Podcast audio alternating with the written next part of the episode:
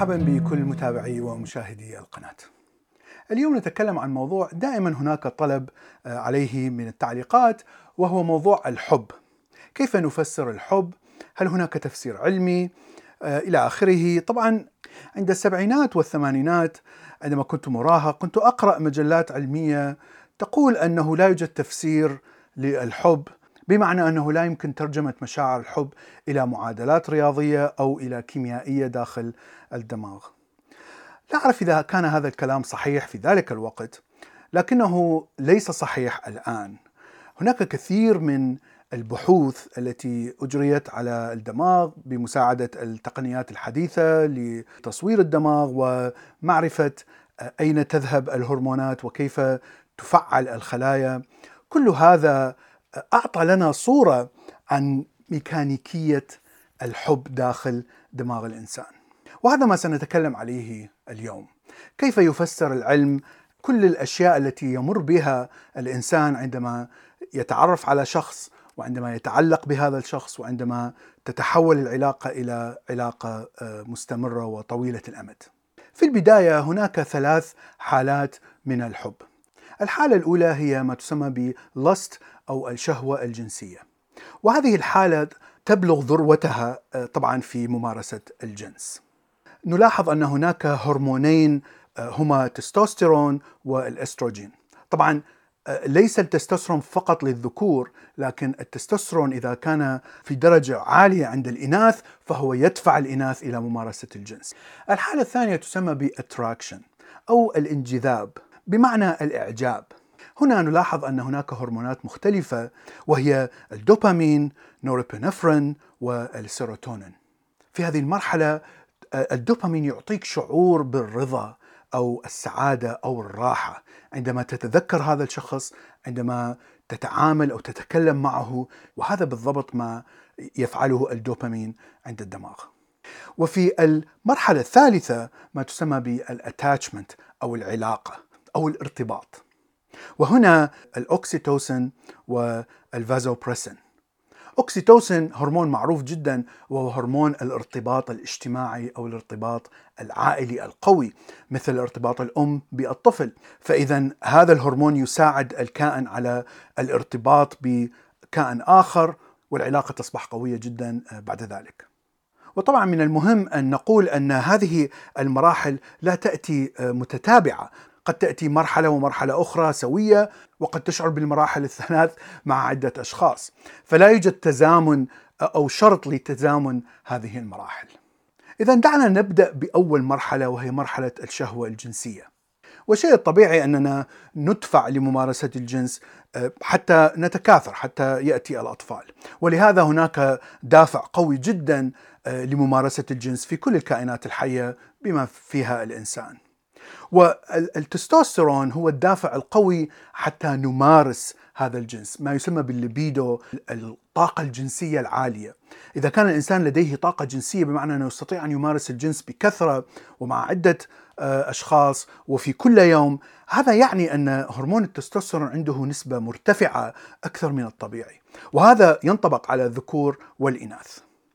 الأستروجين بالجانب الآخر طبعا هو أكثر موجود عند الإناث ونلاحظ أن الأنثى عندما تحصل عندها قبل ما تحصل العادة الشهرية طبعا البويضة تنزل يكون هرمون الأستروجين بكمية مرتفعة مما يجعل الأنثى أكثر قابلة للجنس. فإذا أيضا يغير من دماغ الأنثى حتى تمارس الجنس وتستمتع به.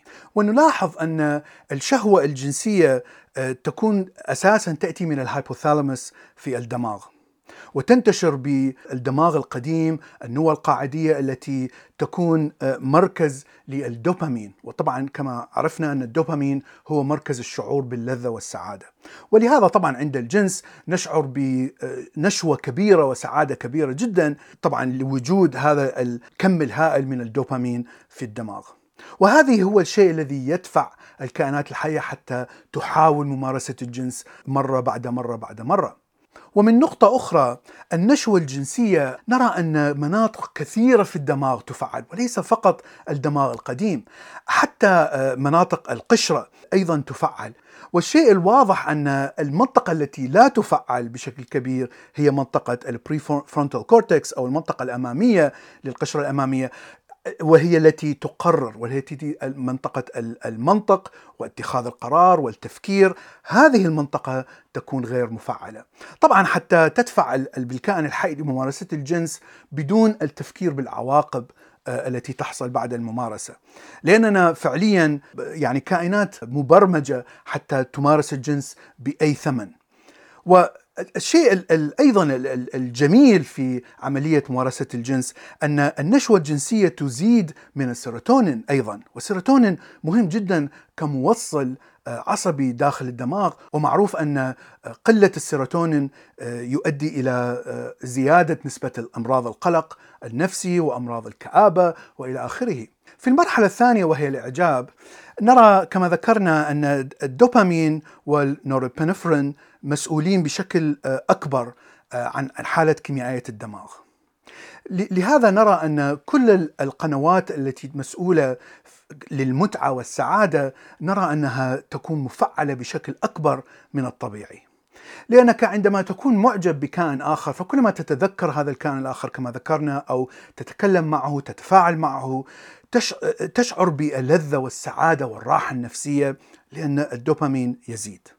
من ناحية أخرى نوروبينفرين وهو أيضا الهرمون الذي يزيد في هذه المرحلة هذا الهرمون مجموعة من الهرمونات التي تفعل مع الأدرينالين بمعنى الأدرينالين هو الهرمون الذي يزيد من ضربات القلب ويسرع من حركة العضلات في حالة الهروب أو الخوف. وهذا الشيء الذي تطور آه، خلال ملايين السنين عندما نرى خطر آه، موجود حيوان مفترس أو أو شيء آخر فإننا نهرب بسرعة فهو يهيئ الجسم للهروب والحركة السريعة.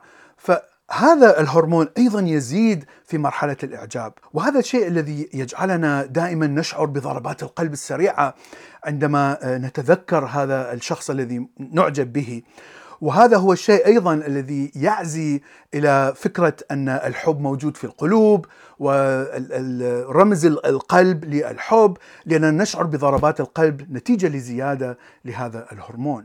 لكنه أيضا يزيد من القلق، يزيد من آه، عدم النوم أو الأرق، وأيضا يقلل من الأبيتايت أو يقلل من شهية الأكل، وهذه هي الحالة التي تكون شبيهة بالمرض، لأنك عندما تكون مريض فأنت لا تأكل أو لا تستطيع أن تنام إلى آخره.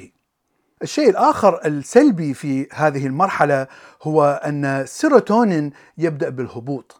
في مرحلة الإعجاب، ولهذا طبعا نقول أن الشهية تنعدم وأن المزاج آه، يضطرب بشكل كبير لأن السيروتونين يعدل المزاج، وهذا هو السبب أن قلة السيروتونين تؤدي إلى الكآبة والقلق، ولهذا الإنسان الذي يكون في هذه مرحلة الإعجاب أو ما يسمى بشكل عام آه، مرحلة الحب فهو يكون عادة مزاجي ويكون آه، مكتئب في أحيان وقلق في أحيان أخرى ويشعر فقط بالسعادة عندما يرى الشخص الذي هو معجب به. عندما نتحول إلى الحالة الثالثة وهي حالة الارتباط فنرى أن هناك هرمونين أساسيين وهما الأوكسيتوسين والفازوبريسين هم الذين يسيطرون على كيميائية الدماغ بشكل عام. والأكسيتوسين هو ما معروف بهرمون الأمومة، الأبوة، الصداقة، العلاقة القوية، وهذا هو الذي يزيد عندما يبدأ الكائن الحي بالارتباط مع كائن آخر.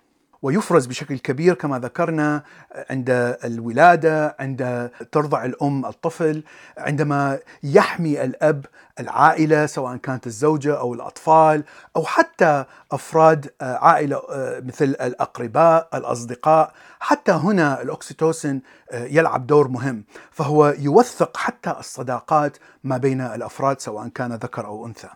وهناك كثير من الدراسات التي لاحظت تزامن الأفعال والتصرفات ما بين الشخصين الذين في ارتباط آه، بعيد الأمد وحتى توافق في ضربات القلب وتوافق في آه، إفراز هرمونات مثل الكورتيزول والكورتيزول هو هرمون مهم جدا حتى يقوي المناعة مثلا حتى يقلل من الإصابة بالأمراض وحتى تزامن الاكسيتوسين عندما يتلامس آه، هذين الكائنين.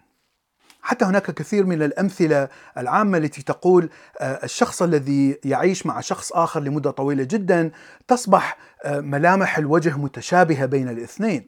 طبعا ملامح الوجه لا تتغير مع الزمن لكن حركات وعضلات الوجه وطريقة الكلام وطريقة الضحك هذه هي التي تتزامن ما بين الشخصين الذين يعيشون فترة طويلة فقد تصبح هذه الحركات متشابهة وبذلك يصبح ملامح الوجه متشابهة. وحتى نرى هذا التشابه الذي يدفعه الاكسيتوسن ما بين الأصدقاء، فترى أن الأصدقاء أيضا يفعلون نفس الأشياء ويتصرفون بنفس الطريقة ويتكلمون بنفس المفردات وحتى يحاولون أن يقررون نفس القرارات. الشيء الوحيد الذي لم نرى هناك تزامن سلوكي كبير هو التعامل مع الأغراب. مع أن هناك يعني روابط اجتماعية عامة بشكل عام، يعني أنت تعيش في مجتمع مثلا متدين في دولة متدينة، فهناك أفكار وعلاقات اجتماعية معينة الكل يحترمها، فهناك تناسق عندما تعمل أشياء معينة وتصرفات معينة، لكن لا يوجد هذا الدليل القوي على وجود كيميائية في الدماغ التي تدفع هذه التصرفات. وكل هذه الهرمونات دائما تعمل على زيادة معينة لنسبة الدوبامين حتى نشعر بالرضا والسعادة والراحة النفسية. وفكرة أنك تشعر بالراحة النفسية لأن مثلا الآخرين يتصرفون بنفس الأخلاق التي أنت تؤمن بها هذا يعني أنه الدوبامين قد زاد في الدماغ لمجرد أنك عرفت هذه المعلومة عن الآخرين. ف كل هذا يعود إلى هذه الكيميائية داخل الدماغ. ولهذا نقول أن وجود الدوبامين هو شيء أساسي جدا في تطور هذه الدوائر الكيميائية داخل الدماغ وخاصة نحن نتكلم عن الهايبوثالاموس والدماغ القديم الذي هو موجود يعني في كل الأحياء الأخرى الكائنات الحية الأخرى من الفقاريات إلى اللبائن. وهناك تطور واضح عن تعقيد هذه الدوائر الكيميائية من الفقريات إلى اللبائن. لكن هذه الهرمونات أيضا تعكس بشكل سلبي على سلوك الإنسان، فمثلا عندما يزيد الاكسيتوسين فيزيد الارتباط كائن حي بكائن حي آخر، ترى أن هناك الغيرة أيضا تزداد، فكما ذكرنا مناطق التفكير والمنطق تكون غير مفعلة، فهنا الإنسان لا يفكر بشكل منطقي، فالغيرة تزيد وقد يتصرف الإنسان طبعا تصرفات سيئة نتيجة لهذه الغيرة. ومن ناحية أخرى إذا كما ذكرنا مات الحبيب أو إنفصلت العلاقة فهنا نسبة الدوبامين والأكسيتوسين تنخفض. بشكل سريع. ولهذا يشعر الإنسان بألم شديد. بالضبط نفس الألم الذي يشعر به المدمن مدمن الهيروين والكوكايين عندما ينقطع هذا نسبة المخدر. ولهذا تشعر بما يسمى بالدوبامين withdrawal أو حالة الجوع للدوبامين.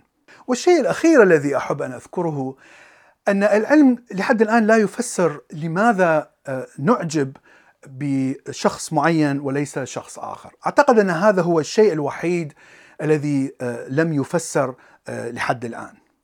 نحن نعرف إذا أعجبنا بشخص معين أو صار هناك ارتباط، طبعا نعرف ماذا يحدث داخل الدماغ. لكن لماذا هذا الشخص المعين ولماذا لا نعجب بشخص آخر؟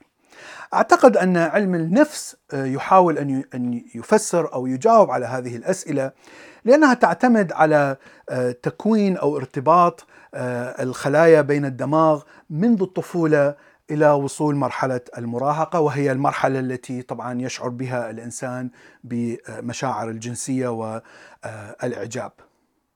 ف كل الأشياء التي تتعلمها وأنت طفل ما هو الجسم الجنسي مثلا؟ إذا كان الجسم الجنسي هو الجسم الرفيع الشخص لديه عضلات قوية إلى آخره من من الأشياء التي موجودة في الثقافة العامة في المجتمع وليس لها علاقة بمثلا الدي ان اي الذي نحمله.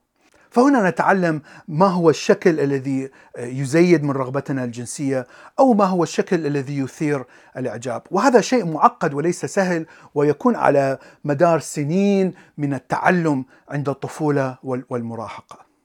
وهذا طبعا يحتاج إلى حلقة أخرى وبحث آخر حتى نفسر لماذا نعجب بشخص معين ولا نعجب بشخص آخر. أتمنى أن تكون هذه الحلقة مفيدة. اليوم شكرا لكم وإلى اللقاء في حلقة